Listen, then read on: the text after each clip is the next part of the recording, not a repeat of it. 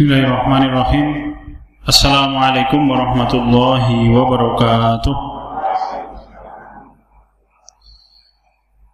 إن الحمد لله نحمده ونستعينه ونستغفره ونعوذ بالله من شرور أنفسنا ومن سيئات أعمالنا من يهده الله فلا مضل له ومن يضلله فلا هادي له وأشهد أن لا إله إلا الله وحده لا شريك له وأشهد أن محمدا عبده ورسوله الذي لا نبي ولا رسول بعده اللهم صل على محمد وعلى آله وأصحابه ومن والاه Alhamdulillahirrahmanirrahim Hadirin sekalian Astagfirullah wa iyyakum Rekan-rekan sekalian Rahimani wa rahmatullah Segala puji bagi Allah Subhanahu wa taala yang memberikan kita nikmat terutama pilihan Allah untuk menetapkan kita menjadi orang-orang yang beriman.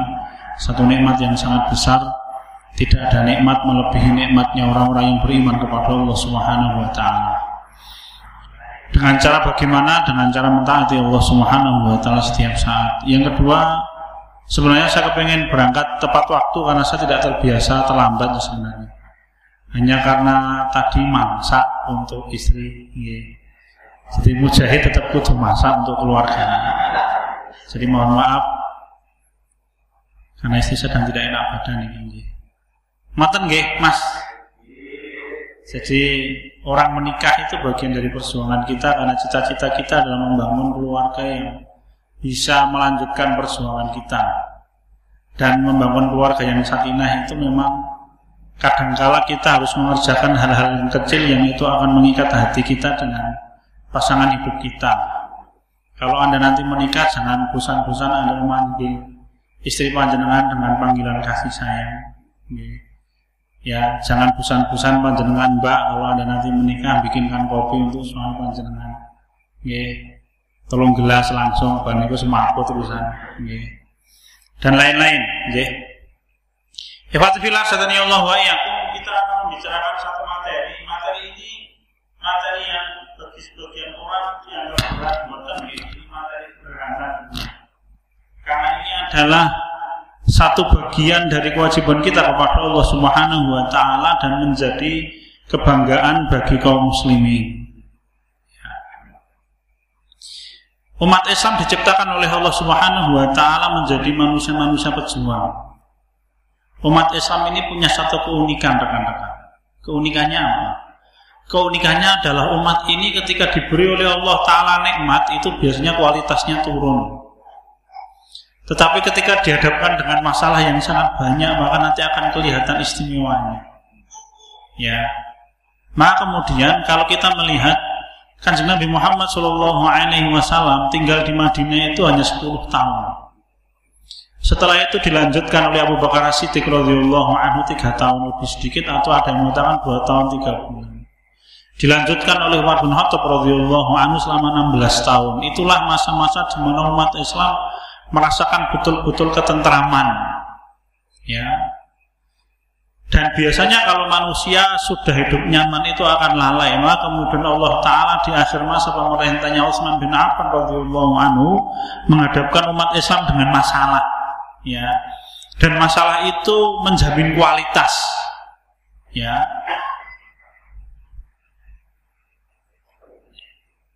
Ya,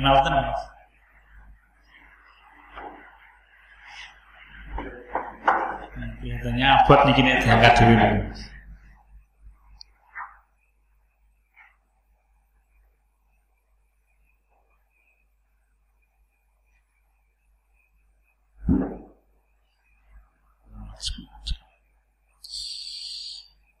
Sampai setelah wafatnya Utsman bin Affan radhiyallahu anhu sebagai syuhada, dilanjutkan oleh sahabat Ali bin Abi Thalib radhiyallahu anhu selama sekitar 13 tahun.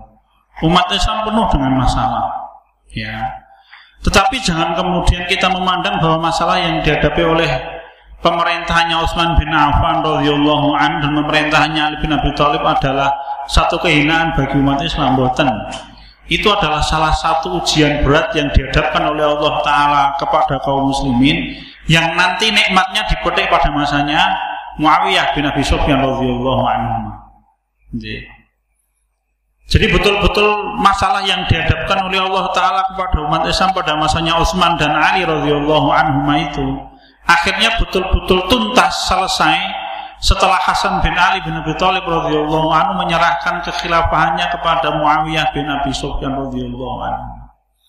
Begitu Muawiyah radhiyallahu anhu berpuasa selama 20 tahun tidak ada satu darah pun umat Islam yang tertumpah. Ya, sampai para ulama tabi'in Imam Al-Amasi misalkan menyampaikan kalau kalian hidup di masanya Muawiyah radhiyallahu anhu pasti Anda akan mengira bahwa Muawiyah adalah Imam Mahdi yang dijanjikan oleh Allah taala di akhir zaman. Begitu bijaksananya, begitu adilnya, begitu damainya kaum muslimin, begitu mulianya Islam. Ya. Tetapi bertahan berapa waktu? Bertahan selama 20 tahun. Ya, setelah Muawiyah radhiyallahu anhu meninggal, maka kemudian umat Islam bertemu lagi dengan masalah. Kenapa? Sekali lagi, kenyamanan yang dihadapkan oleh Allah Taala kepada kaum muslimin itu sering melalaikan. Maka panjenengan nanti kalau membaca hadis, ya hadis-hadis tentang ke kemuliaan kaum muslimin di akhir zaman, puncak ketika nanti kaum muslimin berkuasa di dalamnya Al-Mahdi yang menguasai seluruh dunia ini, Sebagian riwayat hadis menyebutkan hanya 7 atau 9 tahun setelah itu umat Islam meninggal seluruhnya. Kenapa? Karena kalau lebih dari itu biasanya hati itu lalai. Ya, manusia itu kalau setiap saat uripena, kenyang, gitu Mas. Golek apa-apa gampang, itu biasanya gampang lali, ya. Tapi jangan berarti kemudian kita mencari masalah numpak motor anggu helm nabrak bu sisan mas. Kepengen golek masalah bukan begitu. Tetapi itulah sunnatullah maknanya sih. Kita akan bicarakan matetan pejuang Islam milenial. Ini sebagai satu bagian sekali lagi ini adalah salah satu kewajiban yang Allah tetapkan atas diri kita. Mari kita bersama-sama mulai membicarakannya. Titik pertama ketika kita membicarakan tentang pejuang Islam, nilai yang tidak boleh kita lepaskan adalah memahami bahwa Islam itu nikmat paling besar. Bagaimana mungkin orang mau beramal untuk Islam ketika dia tidak memahami bahwa Islam itu nikmat yang paling besar? Kalau rekan-rekan kita kepingin mengetahui sebenarnya seberapa besar toh nilai agama kita di hadapan Allah Ta'ala, Allah mengajarkan kita tata cara untuk menghitungnya. Meskipun nikmat itu jauh lebih besar, tetapi Allah memberikan kita satu gambaran. Bisa dibuka di dalam surat Ali Imran ayat 91 ya kita baca ayat ini, kita maknai, kita akan paham kenapa para sahabat radhiyallahu anhu itu ketika masuk Islam, dia pertaruhkan segala-galanya. Para sahabat radhiyallahu anhu itu ketika masuk Islam, mereka sanggup kehilangan semua fasilitas dunia yang didapatkan. Mus'ab bin Umair radhiyallahu anhu misalnya. Utsman bin Affan yang sampai disiksa oleh kabilahnya misalnya sahabat Amar bin Yasir, ibundanya Sumayyah, bapaknya Yasir dan lain-lain yang bahkan sampai kehilangan nyawa sekalipun. Kenapa? Karena masuk Islam. Tetapi semua resiko yang dihadapi sanggup mereka pikul. Kenapa? Karena mengerti seberapa besar nikmat keimanan kita kepada Allah. Tanpa kita memahami nikmat iman, orang tidak akan mau berkorban untuk Islam. Untuk apa kita berkorban untuk Islam? Bagi sebagian orang yang menganggap Islam itu beban kehidupan, maka jangankan berkorban dekat-dekat dengan Islam pun tidak mau. Ya. Poin pertama ketika kita membicarakan tentang pejuang Islam adalah mari kita pahami Islam kita ini nikmat paling besar yang Allah berikan kepada manusia di dalam kehidupan dunia. Allah Ta'ala menyampaikan tadi surat Ali Imran ayat 91 A'udzubillahi minasyaitonirrajim Innal ladzina kafaru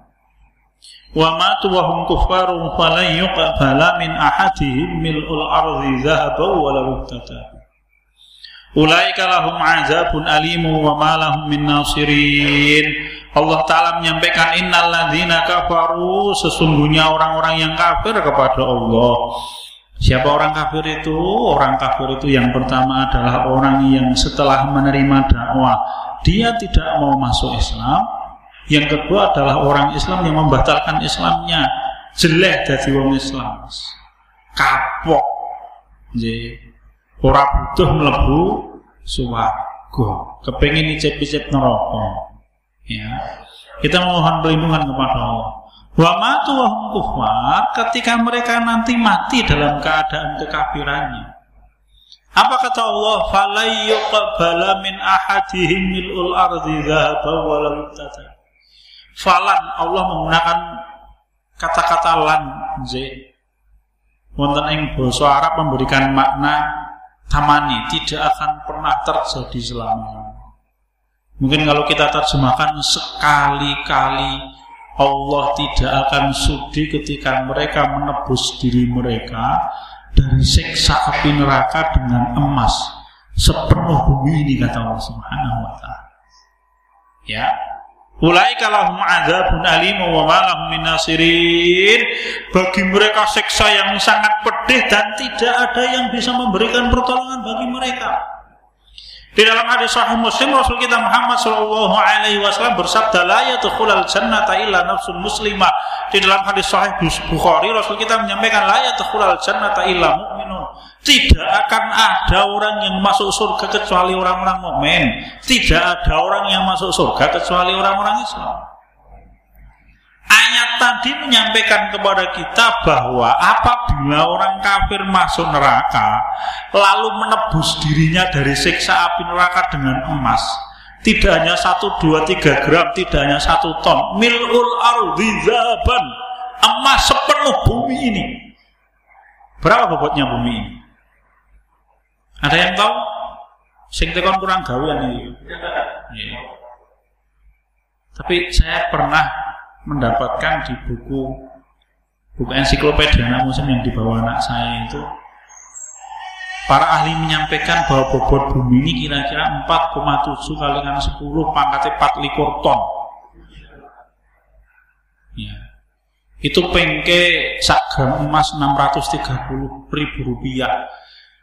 1 gram 600 ribu lah. Kalau 1 kilo berarti 600 juta rupiah. Kalau 1 ton 600 miliar rupiah 600 miliar rupiah bengke papat koma itu kalikan 10 milik 4 ribu moga dihitung dua kalkulator berdiat ngantian kalkulator itu dipakai oleh seseorang untuk menebus dirinya dari siksa api neraka orang kafir tidak diterima oleh Allah Subhanahu wa taala.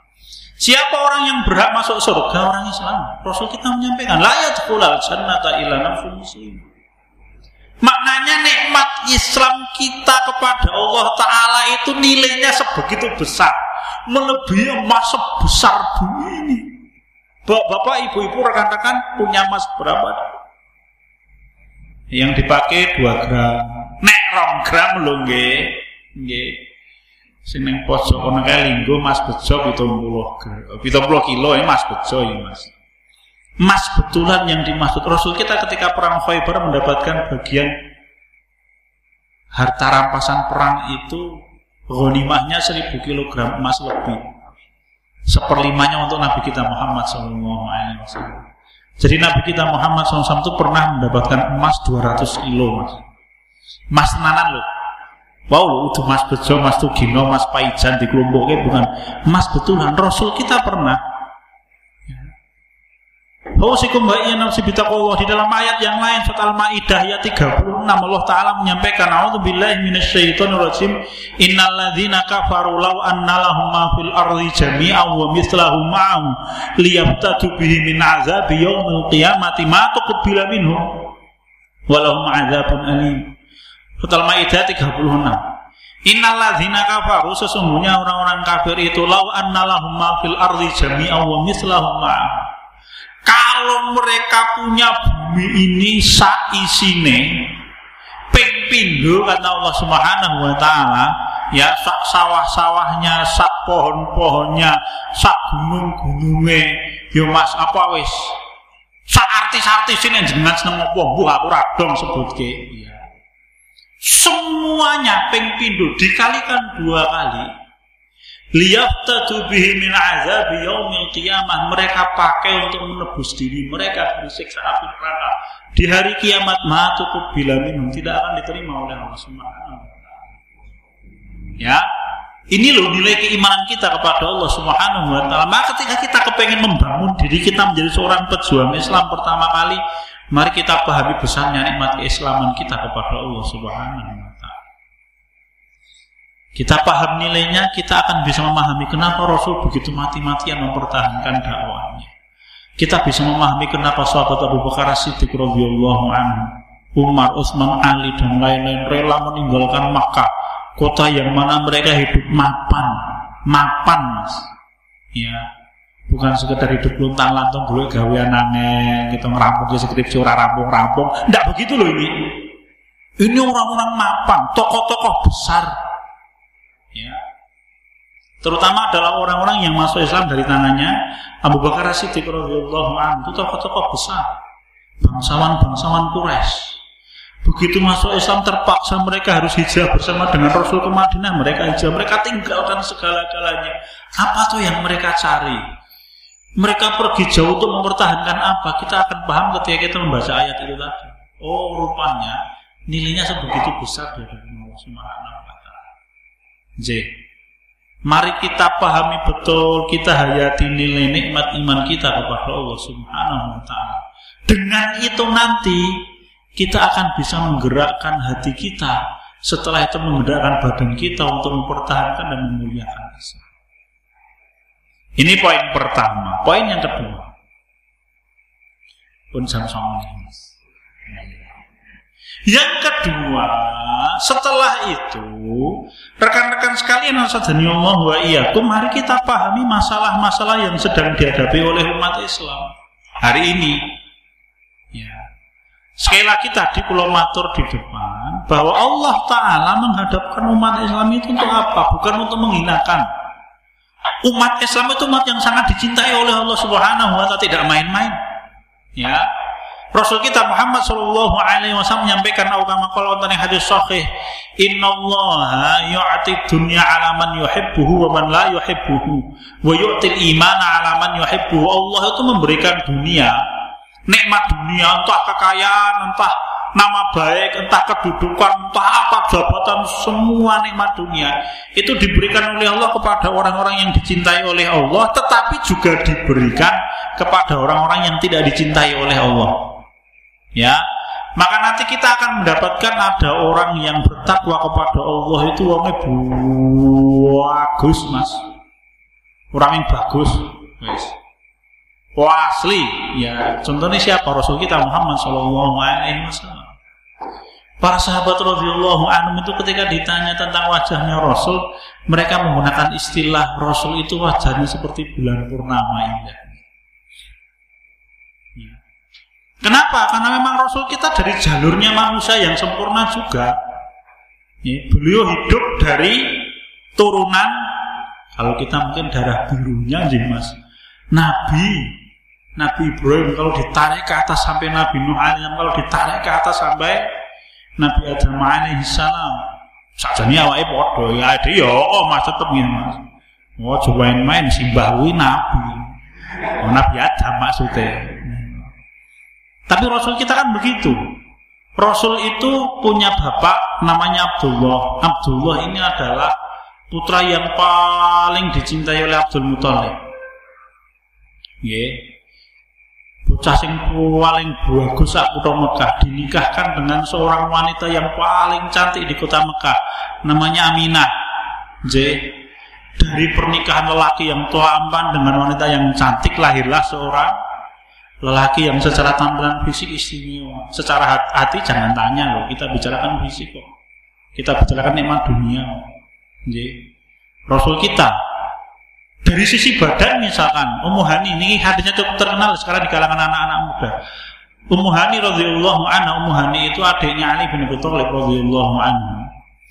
Pernah melihat suatu saat Rasul kita Muhammad SAW sedang membuka baju Lalu belum menyampaikan bahwa perutnya Rasul kita itu seperti batu bata yang ditata. Ada yang menyebutkan seperti kain yang ditata, six pack. Sempurna badannya Nabi Muhammad. Lawa dhewe iki one pack mbleget juang ya Mas. Ketoke kula niku set up sedina iso ping 30 ping 40 niku ketoke ora iso six pack kan biyen iki Mas. Wuh, angel. Rasul kita begitu. Ya. Dari sisi fisik, jadi betul-betul ada orang yang oleh Allah Ta'ala dia bertakwa dan diberikan nikmat dunia segala-galanya. Contoh yang lain siapa? Nabi Sulaiman alaihissalam dari sisi harta kekayaan. Ya, Nabi Sulaiman itu punya pasukan jin wa minasyayati namanya ghusuna lahu wa ya'maluna lahu amalan duna dzalik wa kunna lahum hafizin Allah taala menyampaikan dan kami berikan kepada Sulaiman itu setan-setan. Jin. Pasukannya adalah jin yang pekerjaannya khusus menyelam di lautan untuk mencari semua perhiasan di lautan. Kemudian dibawa ke istilahnya Nabi Sulaiman ditemplek mas. Ya. Maka istana yang paling besar dan paling indah adalah istananya Nabi Sulaiman alaihissalam. Maka ketika Ratu Bilqis datang dari zaman melebu istananya Nabi Sulaiman, hamba wong ayu tapi domblang-domblong Mas. Yang uh kaget. Kenapa? Memang luar biasa Nabi Sulaiman. Tetapi ketika terkait dengan nikmat dunia, Allah memberikan kepada orang paling kafir pun nikmat dunia. Contohnya sinten? Contohnya adalah Namrud. Alam taro ilalladzi haja Ibrahim fi rabbihi anna atahu Allahul mulk. Apakah kalian tidak melihat orang yang membantah dakwahnya Nabi Ibrahim karena Allah memberikan dia kekuasaan? Siapa itu yang dimaksud oleh Allah? Wonten ing surat Al-Baqarah 258 itu Raja Namrud. Imam Ibnu Katsir rahimahullah menyampaikan Raja Namrud itu menjadi raja. Kenapa kok dia sombong? Saking lamanya menjadi raja. Imam Ibnu Katsir rahimahullah tentang tafsir Ibnu Katsir menyampaikan riwayat yang paling kuat menyampaikan Raja Namrud itu menjadi raja selama 400 tahun. Nek awake dhewe ya piro 80 periode kuwi meneh, kuwi meneh, kuwi meneh, kuwi meneh. Raja Namrud, maka dia sombong. Ya. Nanti ada yang lebih panjang lagi namanya bukan nezar, buhtan. Ya. Itu disebut oleh Allah kekejamannya wonten ing Al-Baqarah lagi nggih. Au kallazi marra ala qaryati wa hiya khawiyatun ala urushiya anna yuhyi lau ba'da mautiha itu. Kisahnya Nabi Uzair. Apakah engkau tidak melihat seorang laki-laki yang masuk ke dalam suatu negeri yang diratakan dan dihancurkan dengan tanah, ya, rata dengan tanah. Ya, anna yuhyi hadhil lau ba'da mautiha bagaimana mungkin Allah menghidupkan ini setelah kematiannya fa'atallahu mu'ata fa'amatahu mi'ata dimatikan 100 tahun sinten Nabi Uzair Siapa yang meratakan Palestina sehingga rata dengan tanah dan dihancur leburkan itu? Nebukadnezar. Kalau para sahabat Imam sahabat Ibnu Abbas menyebutnya Buhtansir. Ya orang Arab menyebutnya Buhtansir. Nebukadnezar. Imam Ibnu Katsir rahimahullah menyampaikan bukan nezar itu memang Allah ciptakan untuk menghukum Bani Israel karena ingkarnya mereka kepada para nabi. Bayangkan Bani Israel itu pernah membunuh nabi satu hari petang atus mas. Kurang bayan-bayan penjahat betul Bani Israel itu Yang ingkar loh ya, yang bertakwa kepada Allah ya iya. Tapi hari ini tidak ada, ya mas Bani Israel penjahat kapan saat ini. Kalau sekarang, karena mereka ingkar kepada Allah Ta'ala seluruhnya. Dulu, ya Nebukadnezar ini kata Imam Ibnu Katsir rahimahullah menjadi raja selama 700 tahun. Ya, 700 tahun menjadi raja, 150 periode. Wah sih, mati gumoh gitu Krungu langsung semaput. Ya. Allah memberikan dunia kepada orang yang paling ingkar kepada Allah. Wa yu'til imana ala man yuhibbuhu. Tetapi rekan-rekan, ketika Allah Ta'ala memberikan iman kata Rasul, maka iman itu hanya diberikan kepada orang yang dicintai oleh Allah Subhanahu wa taala. Jadi Allah menghadapkan umat Islam dengan masalah itu bukan karena Allah benci kepada kaum muslimin, boten. Bukan karena Allah benci kepada orang-orang yang tidak, tetapi karena Allah berkehendak untuk membangun kualitas orang-orang yang keimanannya lemah dan keimanannya mir dia akan tersingkir. Yang bertahan dan tetap istiqomah sehingga nanti memuliakan Islam di akhir zaman ada orang-orang pilihan yang dipakai oleh Allah Ta'ala untuk memuliakan Islam dan menegakkan keadilan ke seluruh penjuru dunia ini sebagaimana tegaknya keadilan pada masanya sahabat anhu. Tidak main-main periode kedua nanti ketika Islam mulia di akhir zaman keadilannya seperti itu Ya. Tetapi Allah Ta'ala memakai manusia-manusia terbaik. Caranya bagaimana? Sebagaimana kalau kita sekolah. Nggih, orang kepengen tahu Pak Guru, kepengen tahu muridku yang paling pinter ki sing ngendi dikei soal ujian. Dengan soal ujian itu nanti akan kelihatan mana murid yang paling cakap. Ya, kalau tidak pernah diberi soal ujian, maka seorang guru, bapak atau ibu guru, tidak akan pernah tahu mana murid yang paling pinter, yang paling cakap. Ya, lo kabeh mlebu kabeh mlebu kabeh ya kan? Nggih. Nek diajari kabeh ngantuk-ngantuk kabeh. Aku sing pinter ki sing ngendi ora diberikan kepada mereka soal. Ya, kelihatan nanti oh, rupanya yang paling cerdas itu. Demikian pula umat Islam dihadapkan dengan masalah untuk apa? Untuk memperlihatkan mana mana manusia-manusia yang paling baik. Kalau jangan sami apal ayatnya Allah di khalaqal mauta wal hayata liyabluwakum ayyukum ahsanu amala. Jadi dengan masalah yang dihadapkan oleh Allah Ta'ala kepada kita itu akan kelihatan orang yang paling baik. Dan orang yang paling baik itu nanti yang akan Allah pakai untuk memuliakan Islam. Dan sangat mungkin kita adalah generasi yang melihat kemuliaan Islam itu sangat mungkin ya Allah alam soal tapi sangat mungkin generasi kita adalah generasi yang melihat mulianya Islam di akhir zaman. Karena kita di akhir zaman dan bapak kita di akhir zaman kita itu setiap hari disuguhi oleh Allah Ta'ala tanda-tanda kiamat hanya kita tidak tahu kalau itu tanda kiamat banyaknya gempa misalnya Hadis sahih Muslim, hadis sahih Bukhari, Rasul kita menyampaikan la taqum as-sa'atu hatta yuqbadul ilm wa taqsuru zalazal. Tidak akan tegak hari kiamat sampai Allah mencabut ilmu Islam dari dadanya manusia. Sehingga hiduplah manusia di suatu zaman di mana orangnya mengaku muslim tapi tidak merasa butuh dengan Islam. Ya, akhirnya merajarilah maksiat di mana-mana. Kemudian apa yang terjadi? Wa taqsuru zalazal Gempa terjadi di mana-mana kata Rasul kita Muhammad SAW. Atau misalkan nopo kalau panjangan sampai setiap hari lihat mobil, mobil itu kan tanda kiamat itu. Hadis diriwayatkan Imam Dawud hadis sahih Rasul kita menyampaikan innahu saya rusu fi akhir ummati rijalun yarkabuna ala surujin ka asbahir rizal yanziluna ala bil masajid kata Rasul kita Muhammad SAW ya akan muncul di akhir kehidupan umatku nanti orang-orang yang mengendarai kendaraan dengan banyak pelarang. Mereka berhenti di depan pintu-pintu masjid untuk melaksanakan sholat. Kendaraan dengan banyak pelarang apa mas? Mobil, ini orang mobil ya bis. Sepur luwe ukah, iya sepur ki luwe ukah ning sepur mandek ning ngarepan masjid. Lah piye niku nabrak masjid malah meden-medeni.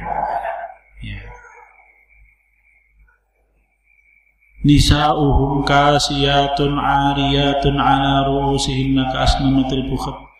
Pada waktu itu banyak wanita-wanita yang dimaksud Rasul adalah kaum muslimah. Banyak wanita-wanita muslimah yang berpakaian tapi telanjang. Nganggo kelambine ngumbara-ura metu omah yo katokan cekak. Nggih nek ora katokan cekak yo kaosan zukensi nggih Mas? Nggih ning dalan-dalan akeh Mas Nggih, nek ora ketok digolek-goleki to. Ya. Betul.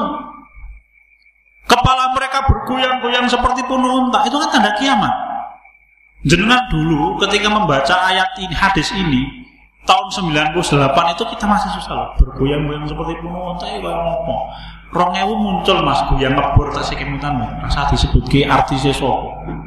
Kurang tahu semuanya goyang ngebor, goyang ngite, terus goyang patah-patah, goyang gergaji, sesuk goyang cetrok, sesuk emuneh goyang linggis, sesuk emuneh goyang pacul mungkin. Betul. Oh, rupanya kayak begitu toh. Itu kan tanda-tanda kiamat. Sebenarnya kita hari ini tinggal menunggu tanda-tanda kiamat besar sebenarnya. Sebenarnya Menawi para ulama menyampaikan bahwa pemisah antara tanda kiamat besar dengan tanda kiamat kecil adalah Al-Mahdi, Imam Mahdi. Ya, Imam Mahdi itu oleh Allah Ta'ala, oleh Rasul tidak pernah disebut sebagai tanda kiamat besar. Ya. Tetapi kenapa Imam Mahdi adalah tokoh besar yang disebut oleh Rasul dalam banyak hadis dan itu terkait dengan peristiwa akhir zaman tetapi anehnya Rasul tidak menyebutkannya sebagai tanda kiamat besar. Ya, karena memang Imam Mahdi ini para ulama menyampaikan sekat pemisah. Jadi sebelum adanya Imam Mahdi, penguasa Islam di akhir zaman, yang menegakkan keadilan di seluruh penjuru dunia ini. Nek simbah-simbah kita dulu nyebutnya dengan nama Ratu Adil nih mas. Ya, kalau kita di dalam Islam menyebutnya Al-Mahdil Amin. Ya. Jadi itu adalah sekat. Begitu Imam Mahdi datang berat begitu berarti kita akan segera melihat tanda-tanda kiamat besar. Ya, Kira-kira begitu. Kalau boleh kita panjangkan, lalu kapan kekuasaannya Al-Mahdi akan muncul? Wah, aku ya arti mas. Ya kan? Karena kekhilafan Islam hari ini belum ada. Tetapi Amerika Serikat mempunyai prediksi. Kita terus yang bawa HP silahkan dibuka. Sing akon aku betul apa. Anda buka Google, silahkan tulis mapping the global future. Nah itu mas, ini mau dibuka. Mapping the global future mapping M A P P I N G T H E global tulisannya biasa future 2020 itu satu makalah yang ditulis oleh NIC Dewan Intelijennya Amerika Serikat yang membawa 15 atau 16 Dewan Intelijen. Ya. Ya itu makalahnya itu mas. Download aja itu. Paling hanya berapa mega itu? 8 mega atau 5 mega mas? Tidak besar tidak besar. Amerika Serikat memprediksi bahwa akan muncul 2020 satu pemerintahan Islam namanya khilafah Islam. Itu prediksinya Amerika Serikat. Saya sampaikan ini, saya bukan orang HTI, aku orang tahu ngaji lo HTI. Saat segi urek mas.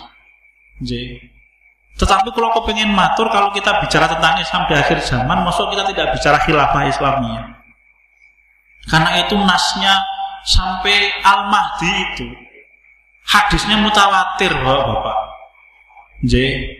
Mutawatir itu mustahil dipalsukan saking banyaknya riwayat. Ya. Imam Asy-Syaukani rahimahullah menyampaikan hadis tentang Dajjal, Imam Mahdi dan Nabi Isa alaihissalam itu ada sekitar 50 jalur. Setengahnya itu mutawatir kata beliau. Satu jalur saja dikatakan mutawatir cukup mustahil dipalsukan. Bayangkan kalau 25 jalur. Saking banyaknya hadis tentang itu. Ya. Maka ketika kita membicarakan Islam di akhir zaman, milenial itu yang kita pasti akan bicara tentang orang itu.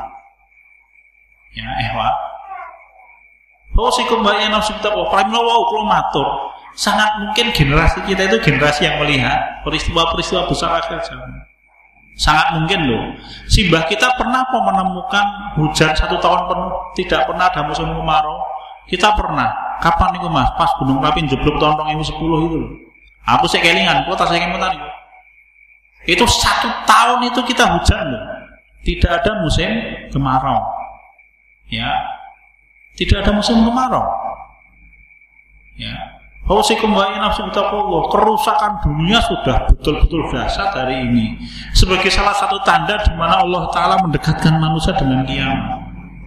Tetapi tidak usah tidak usah khawatir. Ujung dari ini semuanya adalah Allah akan memuliakan Islam. Allah menghadapkan umat dengan masalah untuk memuliakan Islam karena Allah nanti akan memilih manusia-manusia terbaik untuk memuliakan Islam. Ya, begitu. Apa misalkan hari ini kezaliman yang menimpa umat Islam? apa yang menimpa kaum muslimin di Turkistan Timur. Ya. Ini bukan hoax loh Mas, berita cerita betulan.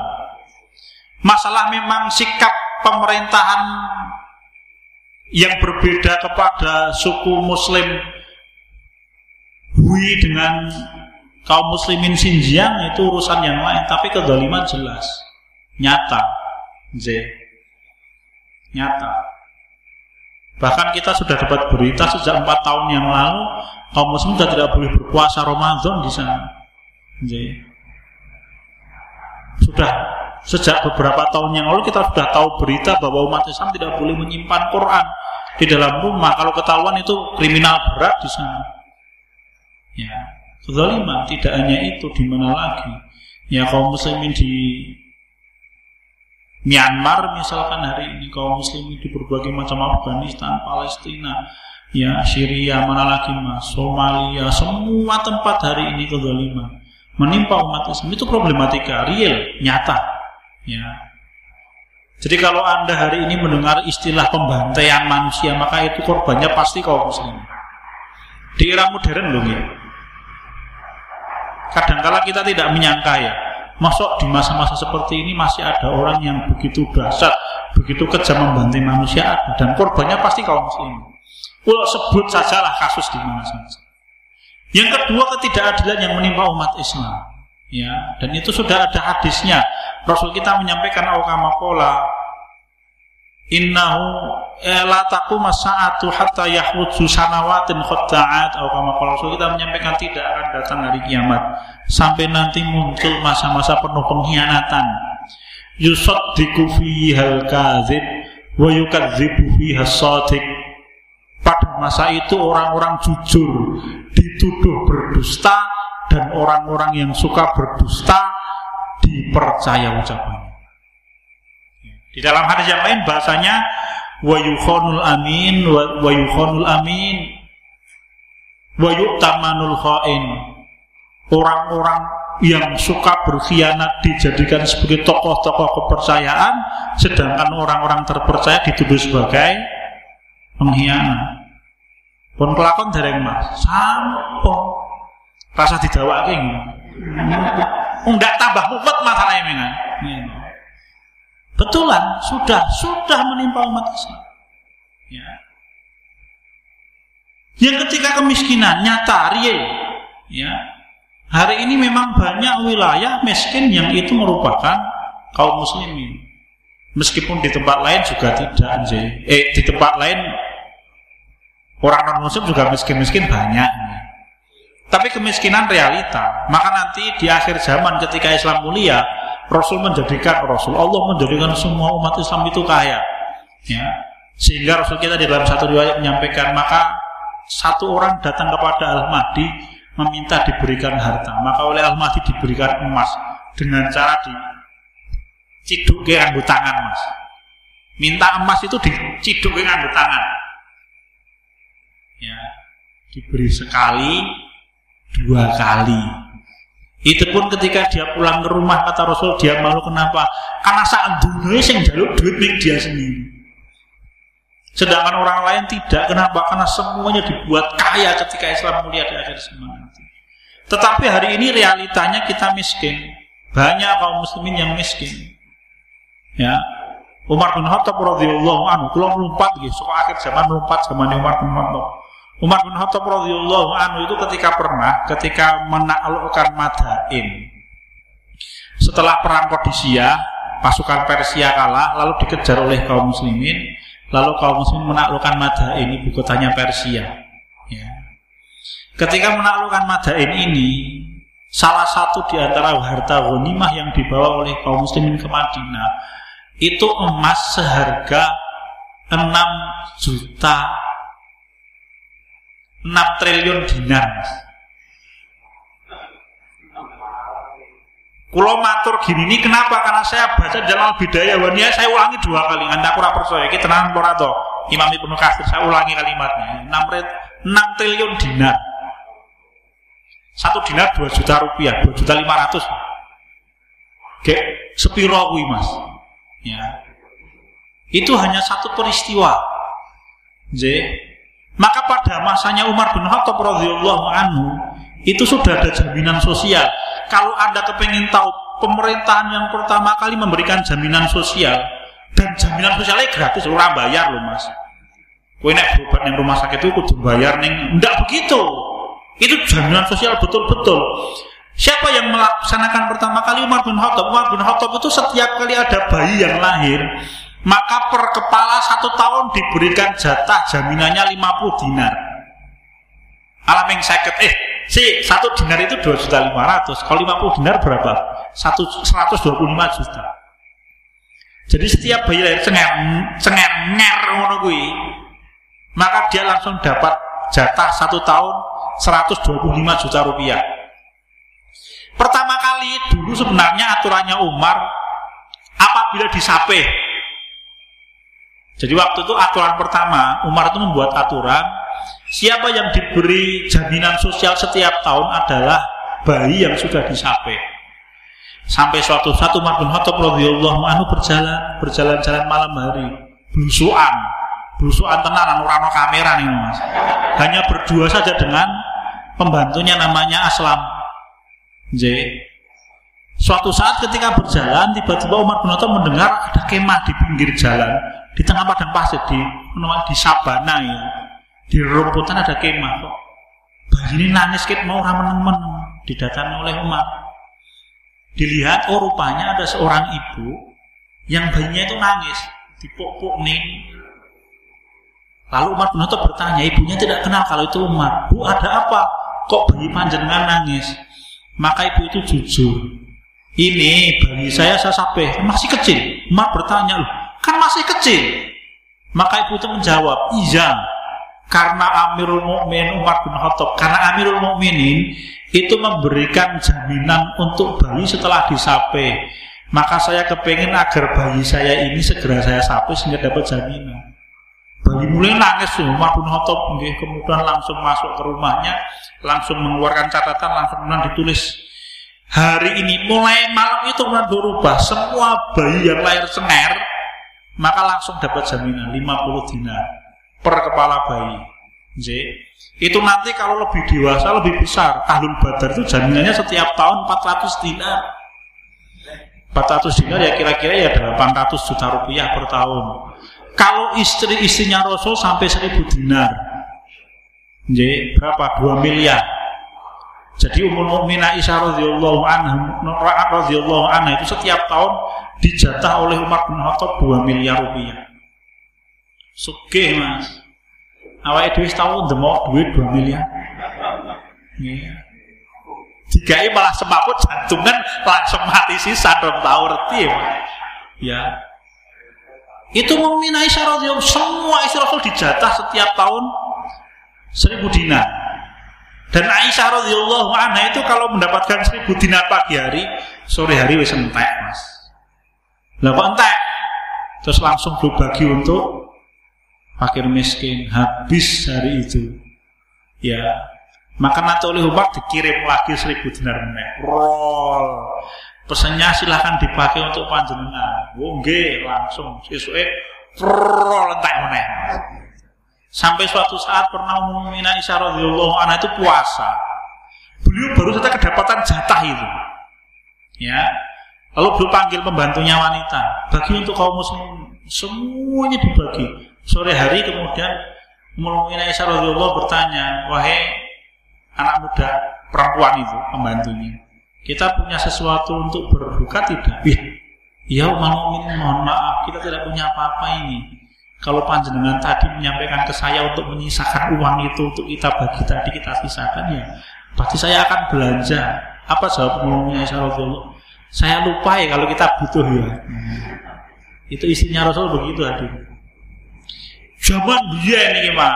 Anda pernah membaca zamannya Harun al-Rasyid itu tukang tulis berapa gajinya per tahun? Saya tak menurut Juru tulis pada masa kekhilafan Bani Abbasiyah berapa gajinya per tahun?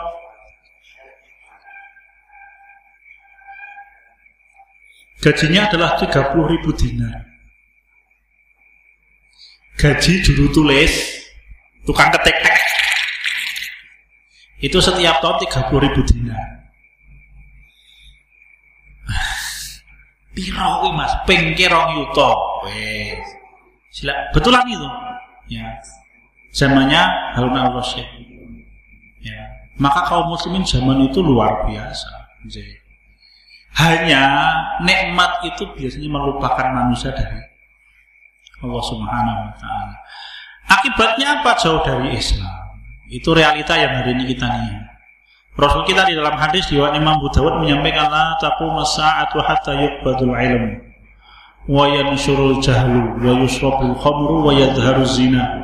Rasul kita menyampaikan tidak akan datang hari kiamat sampai nanti Allah Ta'ala akan mencabut ilmu Islam dari hati kaum muslimin maka akibatnya ke kejahiliahan merajalela di mana Karena kejahilian ada di mana-mana maka kemudian homer biasa diminum. Setelah itu harus zina, lalu zina dikerjakan terang-terangan. Bahkan kalau kita maknai menang, itu maknanya maka pada masa itu zina akan menang. Apa maknanya zina akan menang? Tidaklah ada seorang wanita dinikahi seorang laki-laki kecuali mereka pasti pernah berzina sebelumnya. Percaya buatan jenengan? Saya agak percaya kenapa? Karena saya punya teman J. Teman saya mantan preman, gawiane nunggu masjid, Mas. Dulu sangat dekat dengan anak-anak muda. Cerita dengan saya, Ustadz, anak-anak muda hari ini itu kalau pacaran supaya suami istri. Ming belum diresmikan sebagai pernikahan. Lu kok dengan ngertos sing cerita mereka. Sampai anak-anak muda itu menyampaikan nek ono cah nom lanang wedok pacaran kok tidak sampai berhubungan suami istri. Aku ora percaya kata mereka. Maka Rasul kita menggunakan waya zaharuz zina. Pada masa itu zina menang kata Rasul kita Muhammad SAW. Akibatnya apa? Bencana di mana-mana tadi. Ya. Dan lain-lain. Ya. Ini masalah yang dihadapi oleh umat Islam. Ini masalah yang dihadapi oleh Islam agama yang kita cintai. Ya. Maka sikap kita adalah kita cinta Islam atas pemahaman kita betapa besar nilainya Islam di hadapan Allah, maka itu menggerakkan kita untuk peduli. Monggo kalau panjenengan sampai kenapa? Karena ketika kita peduli kepada Islam itu kita peduli dengan dunia dan akhirat kita. Ya. Bapak-bapak, ibu-ibu, rekan-rekan sekalian dan Allah wa iyyakum. Memang masalah yang kita hadapi selama ini hanya masalah karena tidak adanya orang-orang pandai begitu. Bukan. Rusaknya negeri yang hari ini tempat kita tinggal itu bukan karena tidak ada orang pandai. Wong Indonesia tuh kenal pinter-pinter. Panjenengan kalau lihat setiap kali ada olimpiade matematika, mesti orang Indonesia masing menang. Kalau ada olimpiade fisika, biasanya orang Indonesia masing menang. Bu juara piro. Ya, tapi mesti orang yang menang. Ya. Kenapa? Pinter-pinter. Ya, Hari ini ada satu aplikasi muncul, pitung dinong kabeh sono krek-krekane Mas. Jebol wesan kuwi. Oh pinter-pinter orang Indonesia ini. Ya, tenanan. Nama malih. Dulu zaman saya kuliah, pengamanan internet belum seperti sekarang. Itu Indonesia terkenal jagoan-jagoan bobol rekening bank. Karena saya ngisi pengajian itu isinya ngono kuwi Mas. Hacker-hacker ngono. Sampai mereka cerita ono kancane sing toko helikopter, tenanan Mas. Duitnya uang luar negeri. Dan helikopternya itu sudah ada di Bandara Udara Soekarno Hatta, tinggal ngerakit. Ini yang jiko bingung piye yang jiko ya. Betulan itu. Ya. Temannya dia bercerita bahkan membeli mutiara, mutiara permata warnanya biru besar berapa ons gitu mas. Yuk dari dari nyolong teman. Winter-winter jangan tahu. Ya. Masalah kita intinya bukan di situ, bukan karena kita kurang orang pintar. Apalagi masalah kita karena negeri kita miskin loh Indonesia itu negara kaya mas. Freeport itu kalau misalkan dimiliki oleh orang Indonesia kemudian dibagi itu iso mulia ke wong bayi lahir nanti kuliah gratis loh. Masalah kita bukan di situ, masalah kita karena kita hidup di suatu masa di mana orang tidak terlalu butuh dengan urusan agama. Sehingga semuanya morat-marit, semuanya rusak. Bayarkan dana untuk memberikan bantuan minum kepada korban tsunami, dikorupsi kok, uh, kurang ajar ya mas. Kita yang jaluk di tsunami kuwi. Astagfirullahaladzim. Rusaknya itu di situ titiknya kenapa? Karena orang tidak peduli dengan Islam. Sehingga ketika kita peduli dengan Islam itu kita berusaha menyelamatkan dunia dan akhirat kita. Ya, begitu. Apa yang bisa kita kerjakan? Beramal untuk Islam isane. Beramal untuk Islam sa isane. Ini jangan dicari boso apa ya sa isane. Boso Jawa ya, sesuai dengan kemampuan kita. Mari kita beramal untuk Islam sesuai dengan kemampuan kita. Ya. Apa itu misalkan mengajak, ajak-ajak lah mas hari ini. Ya. Ini rekan-rekan kalau anda hari ini mulai balik kepada Islam, ada satu fenomena yang cukup menarik nih, yang 4, 5, 6 tahun yang lalu tidak pernah terbayangkan kira-kira apa itu. Hari ini fenomena anak-anak muda hijrah itu betul-betul nyata. Gelombang itu Pak. Ya. jadi kalau hari ini panjenengan balik kepada Islam mulai peduli membangun keimanan di luar sana ada saudara-saudara kita yang jumlahnya ratusan ribu orang jutaan anak-anak muda yang mulai sadar dengan Islam. Betul lah Anda tidak sendirian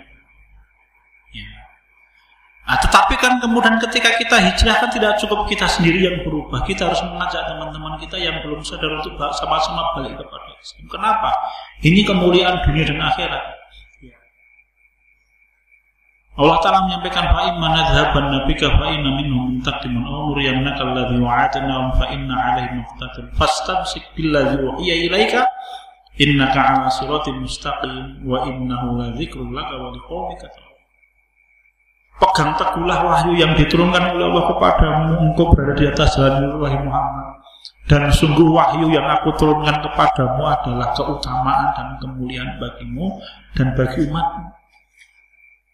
Allah Ta'ala menyampaikan ayat nonton ke ya, ayat 43 sampai 47 silakan ya kemuliaan. Maka mari kita bagi kemuliaan dengan semua orang. Ngajak. Ya ngajak mereka kembali kepada Islam ketika kita sudah mulai bergerak kembali kepada Islam kita ajak teman-teman kita mbuh sing gaweane senenge mancing mbuh sing gaweane keplekan doro mbuh sing gaweane gaweane melek bengi ning pojok desa Mas Rek-rek apa-apa semuanya ajak mereka kembali kepada Islam ya. Kenapa? Ya hari ini jangan sampai kemuliaan itu dinikmati oleh orang lain, kita tidak menikmati. Ya. Kenapa? Karena tadi loh, berbondong-bondong hari ini anak muda kembali kepada sama so kita tidak ikut gelombang kebaikan. Iman-iman.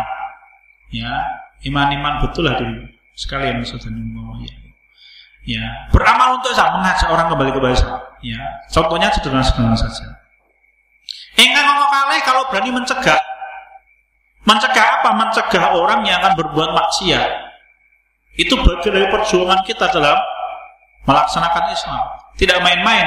Rasul kita Muhammad Shallallahu Alaihi Wasallam menyampaikan mamin kaumin mamin rajulin yakunu fi qaumin ya'malu fi bil ma'asi wa yaqdiruna ala yughayyiru fala yughayyiru illa usakumullah bi'adzabin ila ayya'ummahum bi'iqabi hadis riwayatkan oleh Imam Dawud Rasul kita menyampaikan tidaklah ada seorang laki-laki berbuat maksiat di tengah suatu masyarakat Masyarakat itu bisa mencegahnya tapi mereka tidak mau mencegahnya. Kecuali Allah akan meratakan kepada semuanya hukuman. Hukuman bagi orang yang berbuat dosa karena maksiatnya kepada Allah dan hukuman bagi orang soleh karena mereka tidak mau beramar ma'ruf. Nah, ini mungkar. Ya, wonten ing kota Anfal Ta'ala menyampaikan a'udzubillahi minasyaitonir rajim wattaqu fitnatal la tusibanna zalamu minkum khassah Wa'lamu Allah syadidul iqab surat Al-Anfal ayat 25 dan berhati-hatilah dengan bencana yang tidak hanya Allah timpakan kepada orang yang berbuat zalim tapi merata kepada semua orang termasuk orang-orang soleh. Kenapa? Karena orang solehnya tidak mau mencegah orang berbuat zalim dari kezalimannya. Mananya, mari kita mencegah kemungkaran ketika kita melihat kemungkaran. Ya, karena orang tidak bisa berprinsip sing penting kulo apik Mas wong liya rusak ora apa tidak bisa begitu. Karena yang menghancurkan masyarakat adalah kezoliman dan kemungkaran yang merajalela di mana-mana. Hadis sahih Bukhari. Rasul kita salah satu jeneng dinten sare di rumahnya Zainab binti Jasin radhiyallahu anha. Rasul kita mimpi ketika itu di rumahnya Ummul Mukminin Zainab binti Jasin radhiyallahu anha. Dan mimpinya Nabi itu wahyu ya ru'yatul anbiya'i wahyu. Mimpinya Nabi itu wahyu. Kalau mimpi kita rasa dipikir gimana? Ya, dipikir ke malah ke loro, malah cepet-cepet ngalah ke simbahe malah. Eh rasa dipikir ke bujel-bujel. Ya. Orang memang ada ru'yatul salihah itu ada. Tetapi biasanya mimpi itu muncul bagi orang yang jarang sekali mimpi. Kalau Rasul kita menyampaikan Mimpi itu semakin benar sesuai dengan semakin jujurnya seseorang. Semakin sidik maka semakin kuat mimpinya. Dan orang yang mimpinya benar itu adalah orang yang jarang sekali mimpi. Tidak mesti setengah tahun bisa mimpi. Nek ana wong pendak dina ngimpi berarti itu radonga. Nggih, wis ngono kuwi wong. Pendak dina ngimpi ora tau. Rasul kita menyampaikan ya, Ummul Mukminin Zainab binti Jahsin radhiyallahu anha berkisah, istaiqadha Rasulullah sallallahu alaihi wasallam min naumihi faqala la ilaha illallah wailul lil arabi min syarrin qad iqtaraba futiha al yawma radmi ya'juj wa ma'juj Qalat faqultu ya Rasulullah anuhliku wa fina salihun qala na'am idza kasara Beliau berkisah suatu saat Rasul bangun dari tidurnya kemudian beliau mengucapkan la ilaha illallah sungguh kerusakan sudah mendekati orang-orang Arab kaum muslim maksudnya di dalam riwayat yang disebutkan ketika beliau bangun itu gemetar kemudian keretanya bercucuran ini. Ya. Kenapa? Karena hari ini rantai yang mengikat bentengnya Ya'juj Ma'juj sudah mulai terbuka. Lalu Ummul Mukminin Zainab binti Jasin radhiyallahu anha bertanya, "Anu liku Wafina salihun ya Rasul Mungkinkah kita akan dibinasakan oleh Allah Sedangkan di tengah-tengah kita orang soleh jumlahnya banyak Apa jawaban Rasul? Qala na'am Iya Kita akan dibinasakan oleh Allah Ta'ala Kapan? Iya Kasih Apabila perbuatan dosa merajalela di mana-mana dan orang solehnya mendiam, Yes dibinasakan semuanya oleh Allah. Kenapa? Orang yang bermaksiat dihukum karena dosanya, sedangkan orang soleh dihukum karena dia diam melihat perbuatan mungkar. Ya. Lanjut, apalagi yang bisa kita kerjakan hari ini menyebarkan kebenaran. Ya, panjangan punya modal HP misalkan, ya Ketika kita mendapatkan satu berita benar itu bukan hoax terkait dengan kaum muslimin, dengan kemuliaan Islam, dengan pemahaman-pemahaman Islam yang sahih, sebarkan ke semua orang itu perjuangan kita hari ini. Apalagi bapak-bapak, ibu-ibu, rekan-rekan sekalian, Allah wa iyyakum. Rupanya, ya, kalau Anda membaca di dalam beberapa tulisan para ahli strategi militer, itu ada hari ini perang generasi keempat Perang generasi keempat adalah peperangan yang nilainya bukan lagi perang fisik, tetapi perang informasi. Ya. Perang media. Jadi orang itu bisa mengalahkan musuh dengan cara mempengaruhi pikiran mereka. Sehingga kemudian mereka bergerak bersama-sama untuk menghancurkan musuh yang dikehendaki. Ya. Kalau Anda melihat uh, Arab Spring pertama kali terjadi di mana? Di Tunisia Ya, ketika ada seorang lelaki miskin kecewa dengan kebijakan pemerintah, dia membakar diri sampai mati. Lalu anak-anak muda yang aktif di media sosial kemudian menyebarkan berita itu ke seluruh negeri. Akhirnya saat dunia, saat dunia, saat negara demo kabeh mas. Akhirnya pemerintahnya jatuh. Itulah perang generasi keempat. Ya. Dan hari ini luar biasa pengaruhnya. Kita merasakan betul. Ya. Kita merasakan betul. Tahun 2014 kemarin rasa disebut ke.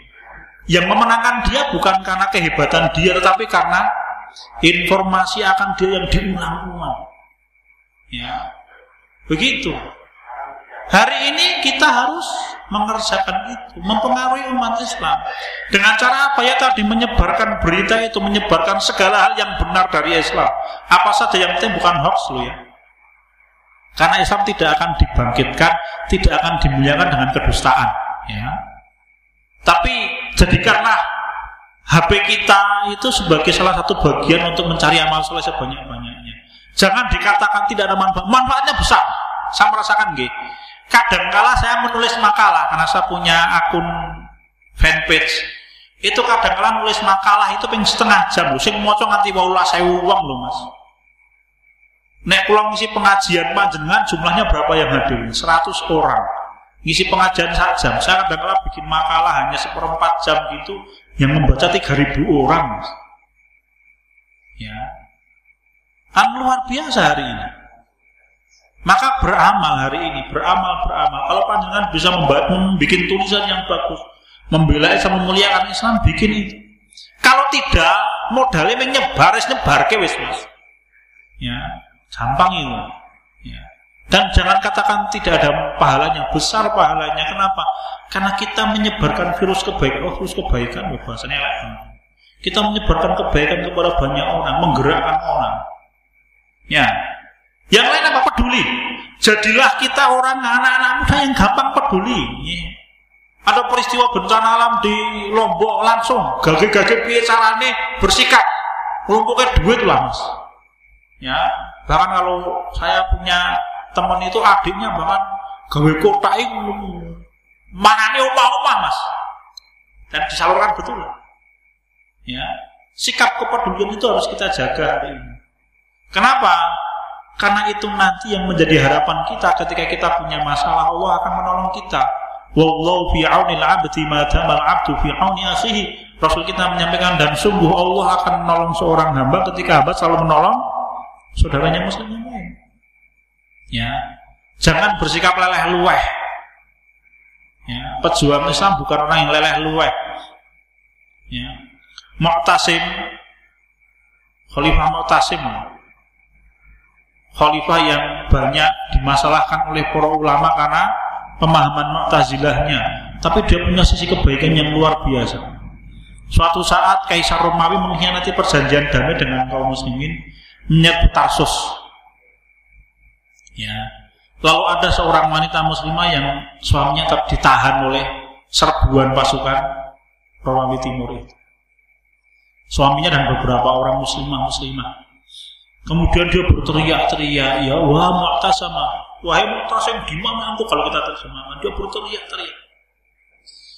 Teriakan wanita itu waktu itu belum ada HP, belum ada WA, belum ada Telegram, belum ada apa chatting, belum ada TikTok, apa apa menenggung. Itu dari satu mulut berpindah kemudian didengarkan oleh telinga yang lain sampai ke telinganya Mu'tasim.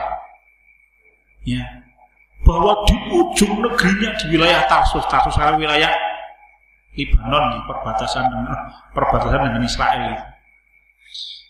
Mu'tasim bertanya, ya, sebenarnya pertama kali mengirimkan surat harusnya, mengirimkan surat kepada Kaisar Romawi untuk membebaskan kaum muslimin, tapi ditolak oleh Kaisar Romawi. Maka kemudian Mu'tasim bertanya kepada kaum muslimin, panglimanya dikumpulkan semua. Ya. Mana kota Romawi yang paling kuat penjagaannya? Bukan Konstantinopel, tapi Amuriah namanya. Kota Amur hari ini sudah tidak ada di peta. Ya, tidak ada di peta. Mana kota Paris, kota Romawi yang paling kuat pertahanannya? Panglima perangnya menyatakan Amuriah. Karena Amuriah itu satu kota yang kaum muslim bahkan belum bisa pernah mendekati. Ya Abu Musa al-As'ari radhiyallahu anhu pernah mendekati Konstantinopel bersama dengan pasukannya Yazid bin Muawiyah. Ya. Tapi ada satu kota yang kaum kaum belum pernah bisa mendekati namanya Amunia.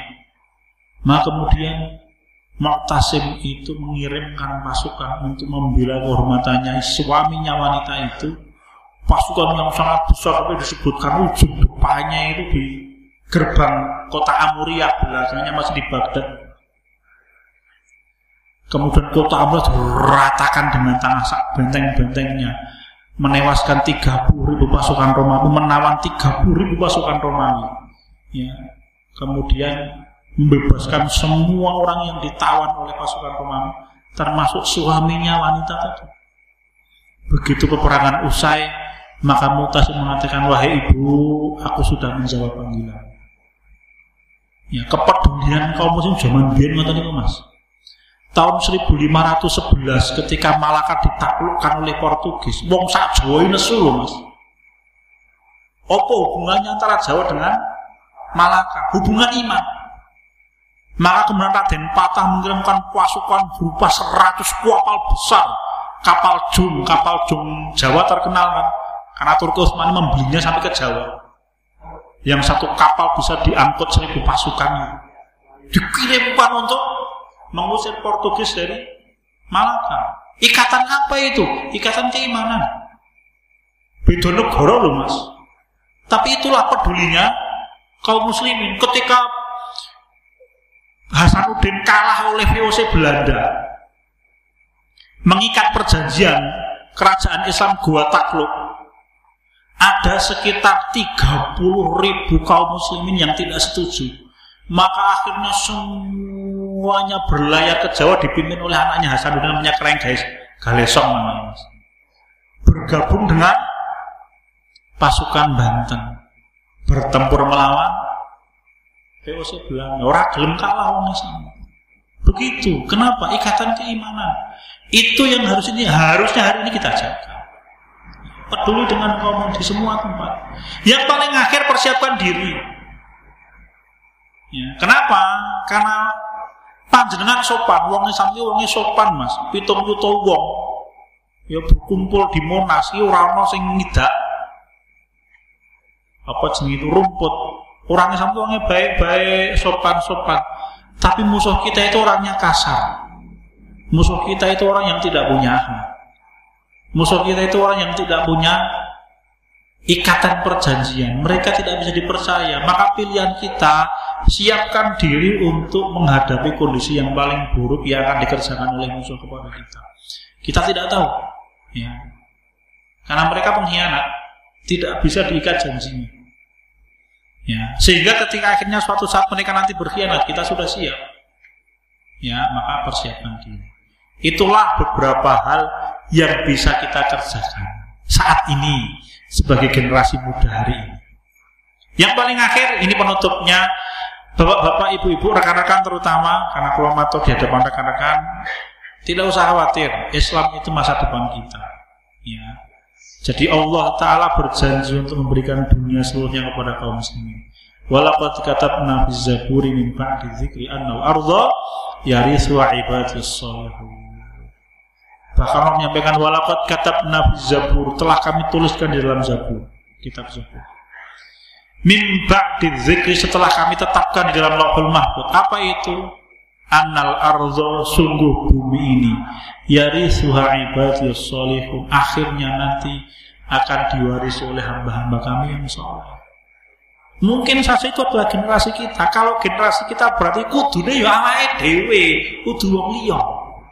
Ya begitu Allah sekian dan demikian rekan-rekan apa yang bisa kita bicarakan untuk kali ini sebenarnya materi panjang ini Ji.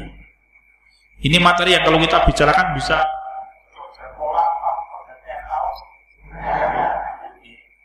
dengan kesel aku semaput nih teman Ya, ini materi yang kita singkat-singkat materinya, kita berikan pokok-pokok pembahasannya saja. Semoga paling tidak ada gambaran lah apa yang harus kita kerjakan hari ini. Intinya pahami kemuliaan Islam dan harga nikmat Islam. Yang kedua jaga kemuliaan Islam sesuai dengan kemampuan kita. Itu saja. Beramalah. Begitu. Allah alam dua sekarang dan demikian apa yang bisa kita bicarakan sebelum satu tutup ada pertanyaan dari materi kita Pak Semen Kimawal nanti setelah itu saya kembalikan ke Mas monggo Mas panjenengan dulu Waalaikumsalam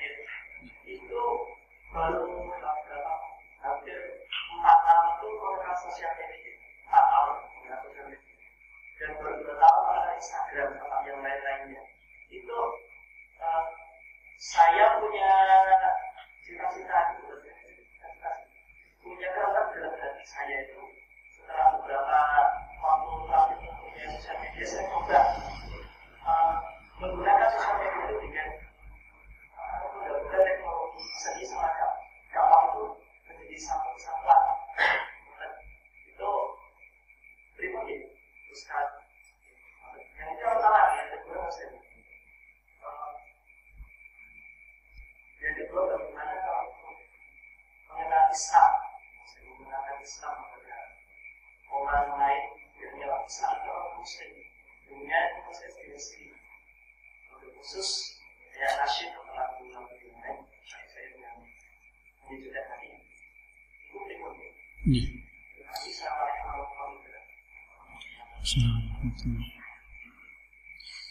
terkait dengan dakwah melalui media sosial adalah satu dakwah yang memang hari ini munculnya pada masa kita sih. Zaman-zaman dulu jangankan zaman Nabi Muhammad SAW. beberapa tahun yang lalu fenomena itu belum ada. Ya. Hari ini pesan saya ya karena media sosial itu teknologi-teknologi itu mubah. Mubah itu bisa mendatangkan pahala, bisa juga mendatangkan dosa. Ya. Maka pesan saya ketika kita memegang media sosial, membuka media sosial, maka pesan saya yang satu, yang pertama bertakwalah kepada Allah Subhanahu wa taala. Yang kedua, istiqomah ketika kita berdakwah. Karena kadang-kala anak-anak muda itu datnyeng, Angkat-angkat ayam. Sosok semangat, baru brek tiarap suwe banget, baru semangat meneh, baru brek meneh tiarap meneh. Ya. Istiqomah itu satu kemuliaan yang diberikan oleh Allah kepada kaum muslimin. Kalau Imam Ibnu Taimiyah rahimahullah menyampaikan a'zamul karomati luzumul istiqomah. Kemuliaan yang paling besar yang Allah berikan kepada manusia di dunia adalah ketika Allah memberikan kepada orang itu kekuatan untuk istiqomah mentaati dalam semua hal. Dua itu saja pesan saya. Satu, bertakwa kepada Allah Subhanahu wa taala. Yang kedua, istiqomah di dalam berdakwah. Tentang bagaimana mengenalkan Islam kepada muslim semua cara boleh selama cara itu diharamkan oleh Islam. Apa saja. Selama tidak diharamkan oleh Islam. Banyak sarana untuk mengingatkan orang dengan Islam bisa dengan cerita, bisa dengan melihat alam semesta, bisa dengan diskusi dan lain-lain macam-macam. Intinya selama sarana itu tidak diharamkan oleh Islam maka silakan dipakai. Begitu. Sebenarnya kalau hari ini kita banyak bencana itu memang salah satu cara efektif untuk berdakwah ya mendatangi korban-korban bencana. Karena biasanya kalau orang terkena bencana itu hatinya lembut, mudah diingatkan. Neng jangan terus neng ngomong kayak bencana yuk orang Maksudnya kalau ada bencana mendatangi mereka, menyampaikan simpati kita kepada mereka, dakwah lebih mudah lagi. Ngaten sih. Tadi ya, yang lain mau mas? Sudah ditanyakan, mau yang lain? Mau mas? Apa? Assalamualaikum.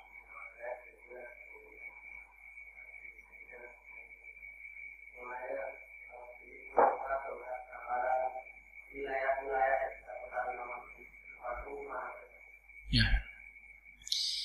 Terkait dengan Imam Mahdi, memang Imam Mahdi itu pusatnya adalah di Timur Tengah. Ya. Ibu kotanya Imam Mahdi itu, Imam Mahdi pertama kali dibayar di Makkah. Hadisnya kan begitu. Lalu kemudian dia nanti akan memiliki ibu kota di Damaskus. Ya. Kemudian membangun Baitul Maqdis begitu besar. Ya. Kemudian nanti akan mengirimkan pasukan ke seluruh dunia untuk menaklukkan dunia. Ya. Nanti bisa menaklukkan Eropa. Hadisnya kan begitu mas. Kemudian menaklukkan wilayah di timurnya India. Ada tidak hadisnya? Ada.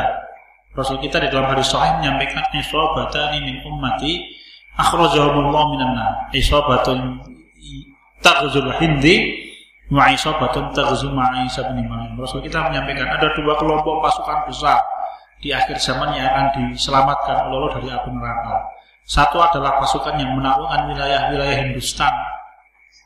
Semua negeri yang mewarisi budaya Hindustan. India, Bangladesh, termasuk Pakistan, nih. Pakistan, India, Bangladesh, Myanmar, Thailand, sampai India, Belanda. Itu semuanya akan ditaklukkan oleh kaum muslimin. Begitu.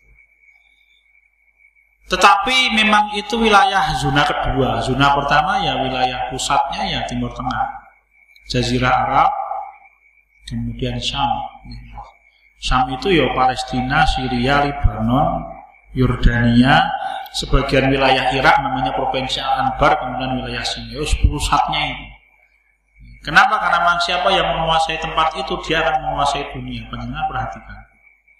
Ya. Dulu ketika Khalid, ah, ketika Ketika Romawi menguasai tempat itu, mereka menguasai dunia, superpower dunia waktu itu Romawi. Ketika akhirnya Romawi dikalahkan oleh pasukannya Umar bin Khattab radhiyallahu anhu, maka yang paling berpengaruh di dunia ya kaum muslimin. Selama 1200 tahun, tidak main-main. Ya. Kemudian ketika akhirnya wilayah itu dikuasai oleh Inggris, ya memang waktu itu yang paling kuat di dunia ya Inggris akan sana ketika perang dunia pertama. Jadi, Kemudian oleh Inggris tahun 1948 diserahkan kepada Israel. Yang menguasai dunia Zionis Israel dengan kepanjangan tangannya Amerika Serikat sampai hari ini begitu. Nanti akan dikuasai oleh kaum Muslim. Begitu. Allah Tetapi bukan berarti kemudian kita santai. Kenapa? Karena nanti akan didatangi oleh Dajjal. Ya kan? Jadi tidak bisa berdaj tidak bisa bersantai. Ada hadis tidak tentang negeri kita ini. Tak wacake hadis tak boleh ini mas. Saya carikan.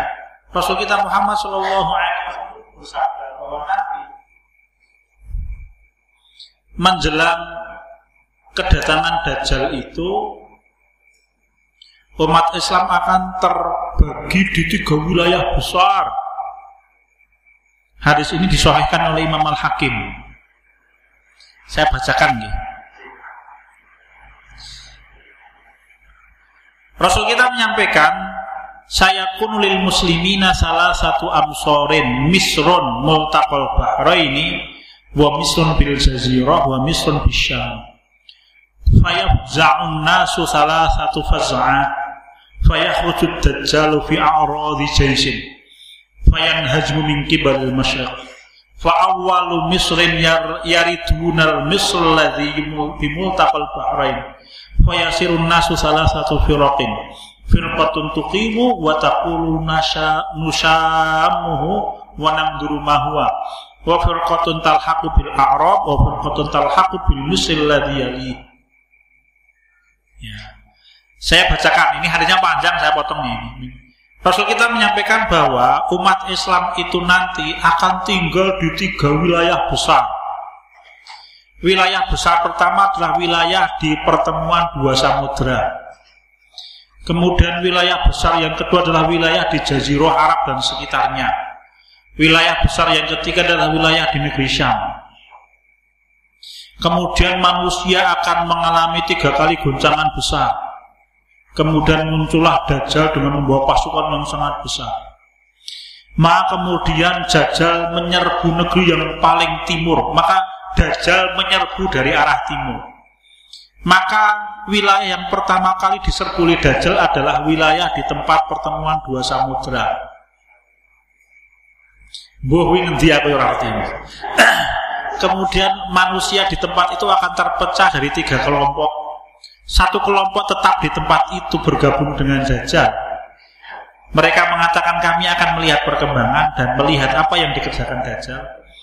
Satu kelompok akan bergabung dengan kaum muslimin di wilayah Arab satu kelompok akan mengungsi ke wilayah yang sebelah timurnya, eh sebelah baratnya. Begitu panjangnya tadi. Jadi itu yang disebutkan oleh Rasul kita Muhammad Shallallahu Alaihi Wasallam tentang wilayah pertemuan bersama itu. Jadi tidak bisa kita bersantai. Ya anggaplah pertemuan dua samudra itu antara samudra Boh nah, rasa disebut ke malah kira suatu rumah. Begitu. Ngaten nih mas? Jadi ya mari kita beramal. Karena ketika nanti akhir zaman semua tempat akan terkena fitnahnya ya, begitu Allah ada pertanyaan yang lain Mas. Waalaikumsalam warahmatullahi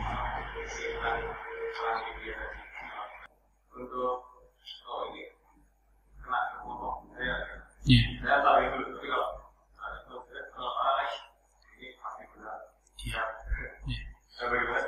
Memang begini, kalau terkait dengan berita, sikap kita adalah tabayun, perintahnya Allah perkaranya itu. Ya ayyuhalladzina amanu ja'akum fasiqun binaba'in fatabayyun. Pertama kali agar kita bersikap pada adalah tabayun. Setelah berita jelas, kita nanti baru bisa akan melangkah. Itu pertama.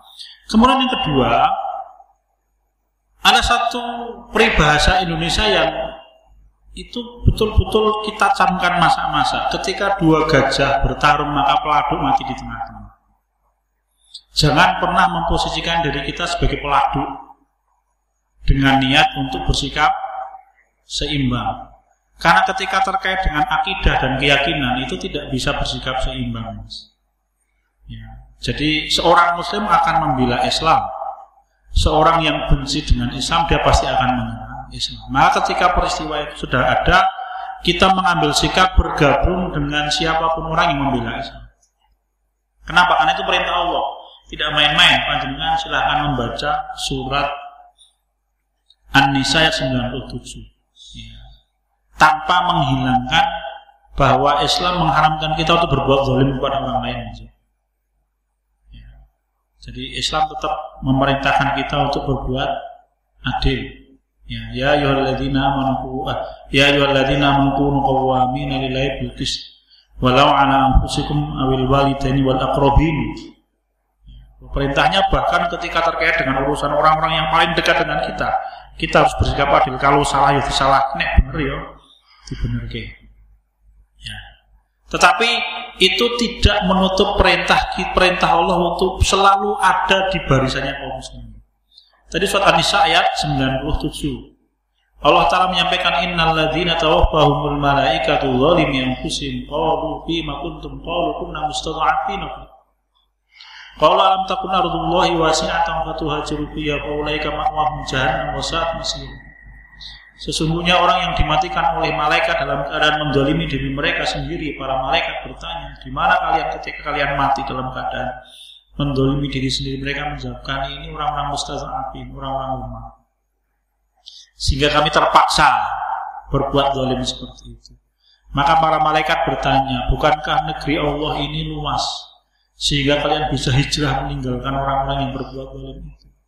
Orang-orang itu tempat kembali dan neraka jahanam dan jahanam seburuk-buruk tempat kembali kata Allah. Ayat ini turun berkenaan dengan delapan orang kira-kira murid-muridnya Nabi Muhammad Shallallahu Alaihi Wasallam yang masuk Islam di awal-awal Islam tidak main-main. Hanya begitu Rasul kita hijrah ke Madinah, delapan orang ini tidak mau ikut. Dua tahun setelah hijrahnya Rasul terjadi perang Badar. Delapan orang ini dipaksa oleh orang-orang kafir Quraisy untuk bergabung dengan barisan mereka ketika perang Badar. Ketika sampai di Badar, di dalam satu riwayat disampaikan oleh Imam Ibnu tidak salah. Uh, delapan orang ini ya orang apa-apa mengadik jegege ketika perang Badar terjadi tidak membawa pedang, tidak membawa tombak, tidak memakai baju besi, hanya berdiri saja mematung. Serba salah. Satu sisi mereka bergabung dengan pasukannya orang-orang kafir, mereka tahu itu salah. Tapi sisi lain mereka tinggal di wilayahnya orang-orang itu, hidup bersama dengan mereka, bisnis bersama dengan mereka, bekerja di tempat mereka, terus piye serba salah. Akhirnya kemudian orang ini karena juga tahu bahwa lawan yang dihadapi adalah kaum muslimin. Rasul di dalamnya Akhirnya orang ini berdiri mematung. Lah gandeng lengadeg ini tengah-tengah perang. Ya. Akhirnya kesabut pedang. Nek lengadi neng pojok desa ngisor wit gayam paling ketemu pocongan, Mas. Ya. Jadi lengadeg ning tengah-tengah medan perang ya kena tombak, kena panah, akhirnya mati. Salah seorang di antara delapan orang itu mati. Selesai perang Badar, kaum muslimin melihat-lihat karena yang menang kaum muslimin, kemudian mereka melihat jenazah kaum muslimin yang 15 itu kemudian dikumpulkan. Mereka mengumpulkan jenazahnya pasukan Quraisy. Mereka melihat, ada orang, ada saudara muslim mereka. Ya. Yang tidak sengaja kena senjatanya kaum muslimin. Itu membuat gundah gulana kaum muslimin. Ini ini sedura wae kena pedang mati di tangan kita. Ya. Ayat itu turun untuk menjawab kegundahan kaum muslimin. Orang itu tempat kembalinya neraka jahanam. Kenapa? Dosanya apa? Dosanya bukan minum homer, berkata bohong, dosanya bukan karena berzina, bukan karena makan riba, enggak. Dosanya satu. Orang ulama menyampaikan dosanya yaksuru sawadal kafirin. Dosanya adalah salah satu di antara delapan orang yang mati di medan badar itu adalah mereka memperbesar jumlahnya orang-orang kafir ketika berperang. Apa maknanya? Dosanya salah memihak. Dosanya adalah salah memihak. Jadi ketika Islam dengan musuhnya berhadapan, dia salah memihak. Maknanya bagaimana? Maknanya tadi, satu kita tabayun, itu untuk tidak berbuat zalim kepada orang lain. Yang kedua, tidak boleh kita berbuat zalim bahkan kepada musuh sekalipun. Yang ketiga, harus memihak kalau terkait dengan urusan Islam. Lah pihak mana yang hari ini harus kita bela? Carilah pihak yang membela Islam. Itu jalan keselamatan kita. Ya. Kalau Anda melihat ada satu pihak berkumpul di dalamnya aktivis LGBT, apa meneh Mas? Komunis. Oh berarti wis to. Ojo cedak-cedak doi. Karena itu semuanya pemudang makna dari Allah Subhanahu tanpa berbuat zalim ya. karena Islam bagaimanapun juga tetap mengharamkan perbuatan zalim. Ngaten nggih. Sudah jam 10 ini Mas, terus. Satu lagi dari pihaknya monggo Mbak. Waalaikumsalam warahmatullahi wabarakatuh. Singkat mawon pertanyaannya. Iya. Yeah.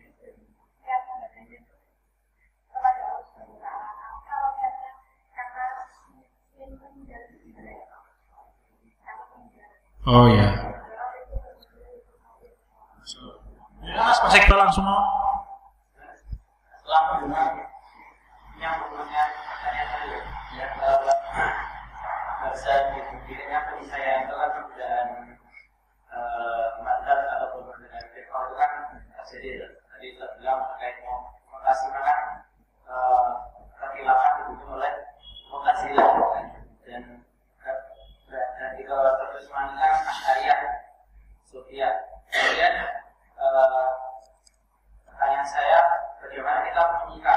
menyikapi ketika penguasa yang tampil atau yang berkuasa itu adalah kelompok yang notabene di luar salah solid meskipun ya, memang kata salah solid itu menjadi kayak senjata untuk melegitimasi bahwa mereka adalah kelompok yang paling benar gitu. artinya uh, setiap orang bisa mengatakan kami salah soleh. Yeah. Bagaimana orang-orang Asyari itu mengatakan kami salah soleh, orang-orang Hambali mengatakan kami salah soleh. Yeah. Itu kemudian nah, nanti pertanyaan saya bagaimana kita bersikap ketika yang menguasai itu bagaimana terusmani ataupun mutazilah tadi. Yeah. Kemudian nanti di akhir zaman itu yang diberikan oleh Allah uh, ketika imam berkuasa itu mandatnya seperti apa? Apakah ada di dalam hadis? Ya. Bismillahirrahmanirrahim. Bagaimana kalau seseorang beribadah karena takut meninggal? Orang takut meninggal itu akan membuat orang rajin beribadah kepada Allah Subhanahu wa taala. Ketika orang takut meninggal kemudian dia berusaha menyelamatkan diri dari api neraka, kemudian kepingin masuk surga, itu bagian dari niat ikhlas. Karena ikhlas itu ada tingkatan-tingkatannya. Tingkatan paling tinggi orang ikhlas itu orang beribadah kepada Allah karena mencintai Allah. Tingkatan yang kedua itu orang yang beribadah kepada Allah mengharapkan ridho Allah. Yang ketiga orang yang beribadah kepada Allah kepengen masuk surga. Yang keempat orang yang beribadah kepada Allah karena takut masuk neraka. Itu semuanya ikhlas dan diterima oleh Allah Subhanahu wa taala. Kalau orang takut meninggal kemudian dia beribadah karena tidak mau masuk neraka, maka ya boleh saja sebenarnya. Tapi kemudian kalau orang takut meninggal kemudian dia beribadah dengan keyakinan umurnya akan selalu panjang dan tidak akan mati-mati ya orang itu.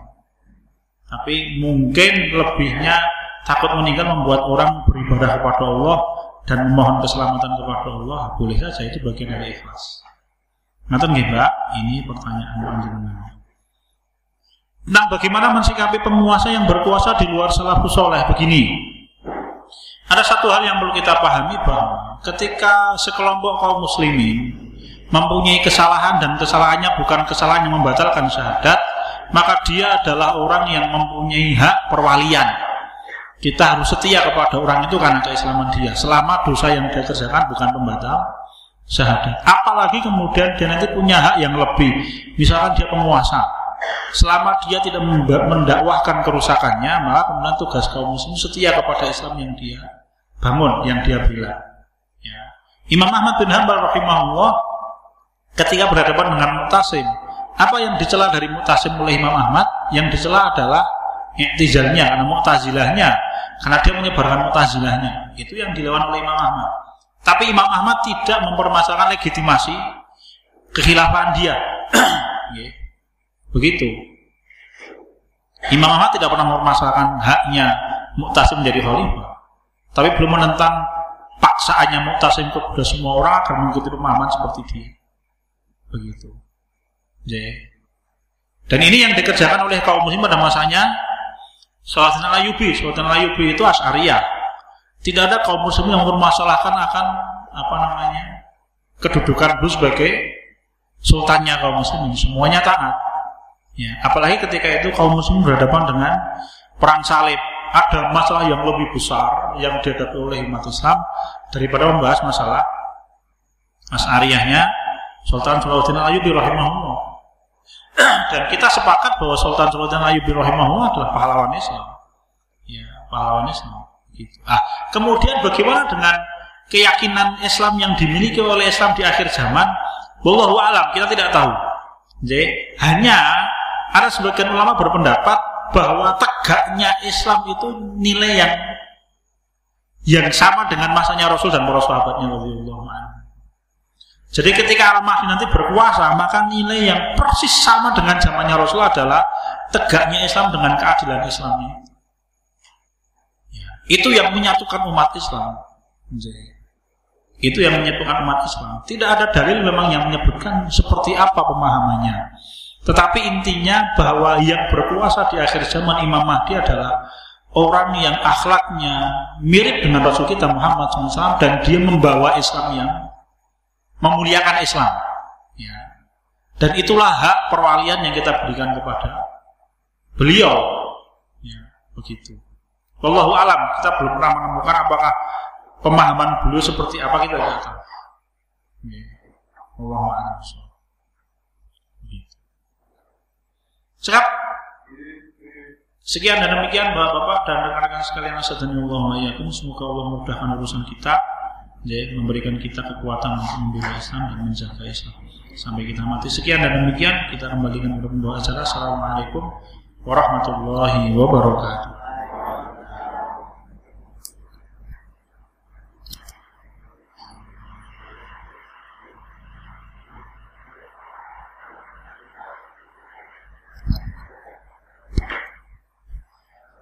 Alhamdulillahirrahmanirrahim Kami ucapkan terima kasih jazakumullah yang sebesar-besarnya kepada Ustaz Fahrul Razi Abu Syamil atas apa yang telah disampaikan kepada kita. Semoga apa yang boleh disampaikan kepada kita semua dapat kita pahami dengan sebaik-baiknya dan dapat kita amalkan supaya kita menjadi bagian dari gelombang kebaikan umat muslim yang sedang terjadi pada era ini.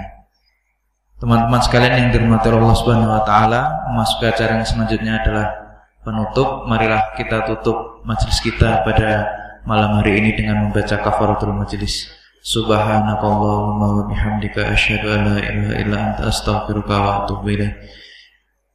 Demikian dari kami ada salah kata mohon maaf bila bisa haq. Sabiqul khairat. Wassalamualaikum warahmatullahi wabarakatuh.